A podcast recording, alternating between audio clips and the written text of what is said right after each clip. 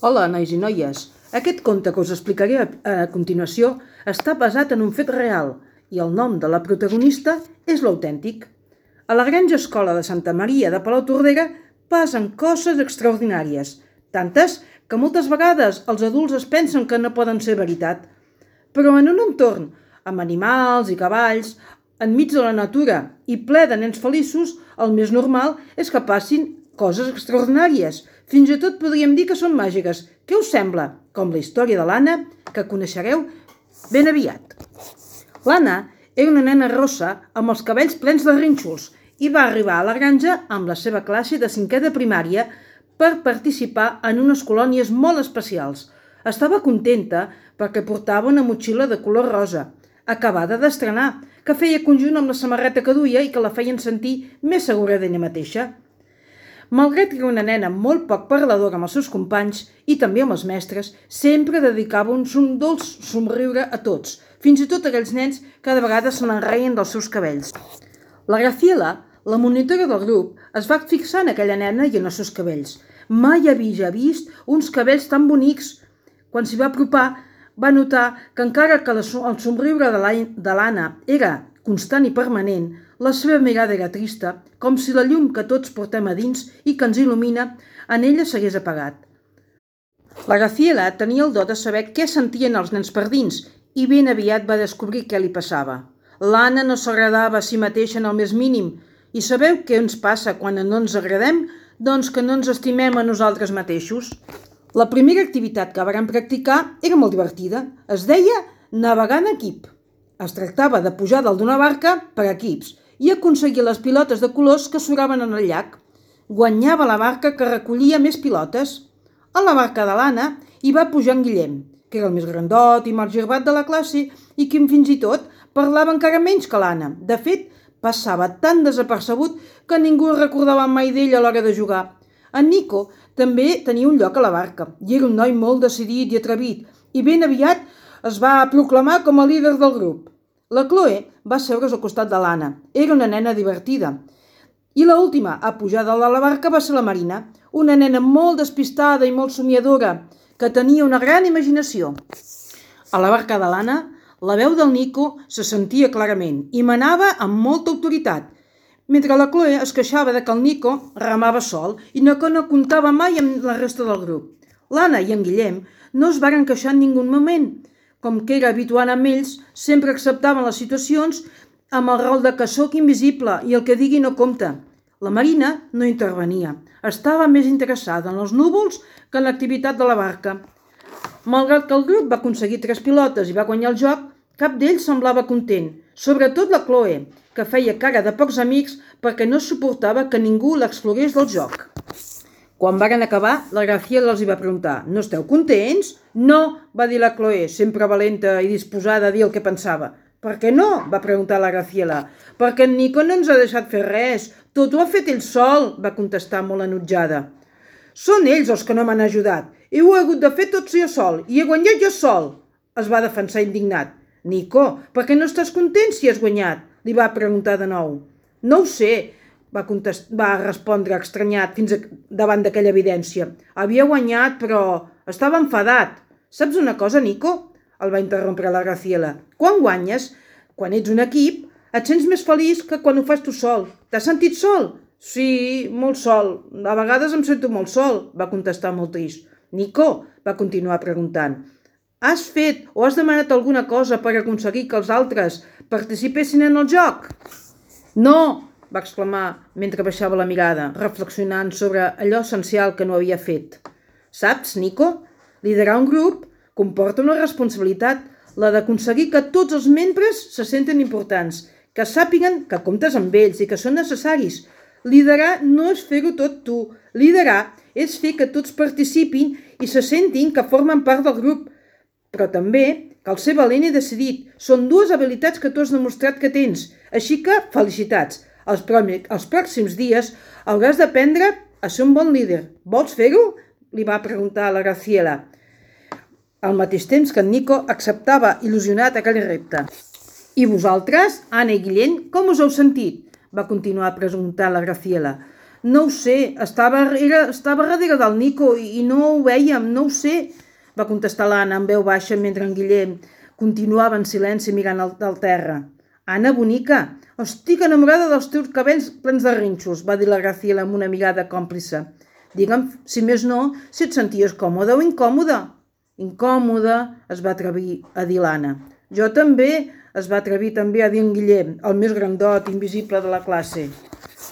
Veig el valor amagat a la teva mirada, Anna. Sigues atrevida i digue'm per què t'has sentit incòmoda, va demanar-li la Graciela. Doncs perquè ningú em té en compte. El que ha passat a la barca em passa cada dia a la classe.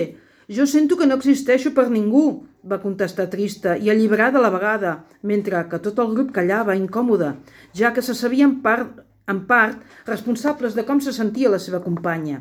Sí, és cert, sents que no li importes a ningú, va afegir el Guillem. Un silenci va envair tot l'ambient i aleshores aquella educadora de la granja va preguntar «Digues, que no importa, diu, dius que no li importes a ningú, però Guillem, de l'1 al 10, quant t'importes a tu mateix?» Ell se la va mirar i li va fer un somriure una mica tort en aquella dona que li havia fet Diana a la seva ànima. En poc, va contestar amb cara de tocat i enfonsat, la cara que posem quan ens n'adonem d'alguna cosa – no arribo als 5. I si no t'importes a tu mateix, com aspires importar als altres? li va preguntar. El silenci va ser l'única resposta. La Graciela va mirar l'Anna. No calien més paraules. Els seus ulls li feien la mateixa pregunta que la petita va entendre perfectament. Un dos, va dir en veu baixa i molt trista, molt trista. Un dos, que dissimules amb un somriure veritat bonica? li va preguntar la Graciela al, mate al mateix temps que en tenia aquella criatura molt més del que ningú es podia arribar a imaginar. Del cor de l'Anna van sorgir unes llàgrimes. Feia anys que esperaven sortir, aquelles que són tan sinceres i profundes que s'encomanen a qui les veu i porten abraçades de qui està a prop. En Guillem, amb tota la seva força, la Chloe amb tota la seva dolçor, el Nico amb la seva valentia i la Marina amb la seva essència van abraçar a l'Anna uns minuts. Amb aquella abraçada, l'Anna va rebre una mica de cada company i se sentia una mica millor. Sabeu una cosa, amics? El món és ple de nens i nenes que s'amaguen perquè no s'agraden ni s'estimen a ells mateixos i quan creixen i es fan grans és més difícil que encara s'estimin i s'agraden a si mateixos perquè mai ho han practicat, no tenen ni idea de com fer-ho. Comencem ara mateix a entrenar-nos per aprendre a estimar-nos a nosaltres mateixos, a agradar-nos i que això no ens torni a passar mai més? Va preguntar la Graciela. Els nens es van entusiasmar perquè mai abans havien sentit parlar ni a la tele, ni a casa, ni a l'escola de que estimar-se a si mateix es podia practicar. Per això la proposta de la Graciela tenia tan bona pinta.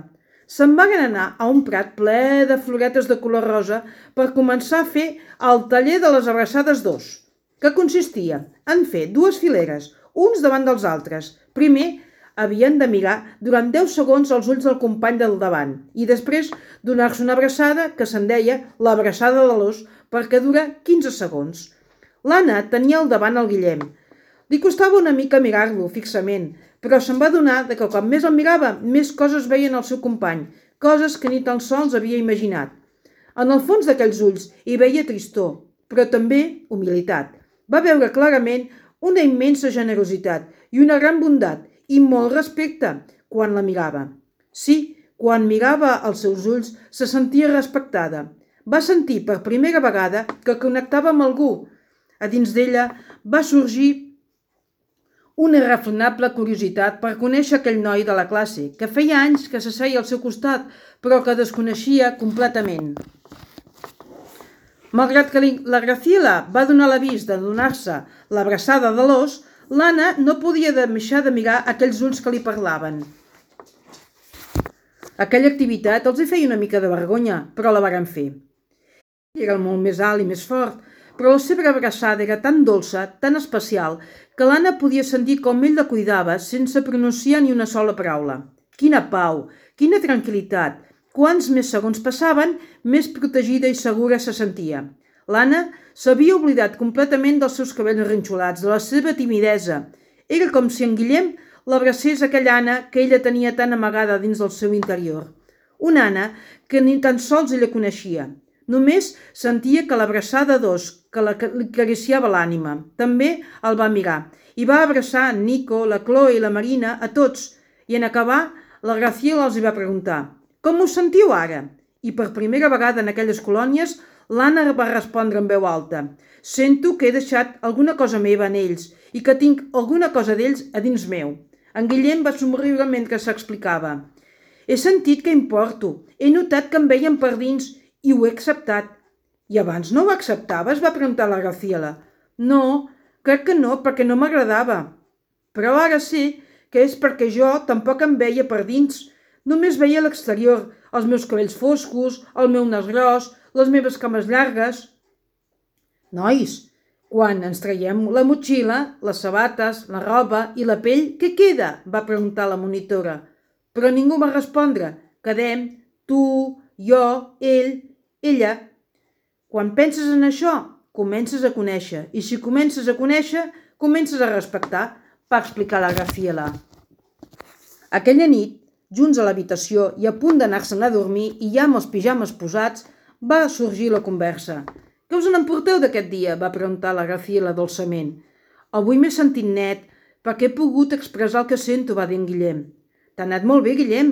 Ho necessitaves? va preguntar la Gracila, mostrant complicitat. Sí, molt, però no me n'adonava. Estava molt tancat. No confiava en els altres, però tampoc en mi. Ara veig que tot això de no agradar-te és una pel·lícula que et muntes tu sol, va contestar somrient aquell nen intel·ligent. Llavors va parlar l'Anna i ho va fer-ho des de l'ànima, com si no parlés a través dels seus llavis, sinó des del seu cor. L'autoestima és com una ampolla que hem de mantenir plena per estar bé amb nosaltres mateixos – la Graciela es va emocionar en silenci. Tots van romandre callats mentre pensaven en la reflexió que havia fet la seva companya. En Guillem va abraçar l'Anna i, sense poder evitar, tots es varen abraçar. Quina raó tens, bonica. Costa molt mantenir-la plena, veritat? va comentar la Graciela, parlant per si mateixa més que per als seus alumnes. Sí, però jo he decidit complir-la cada dia de la meva vida, va contestar amb una força, desconeguda mentre seguia abraçant els seus companys. En Guillem els va abraçar tots i també ell va prendre una decisió. Cada vegada que, un, que algun d'ells no tingués forces per omplir-la, ell l'ajudaria a aconseguir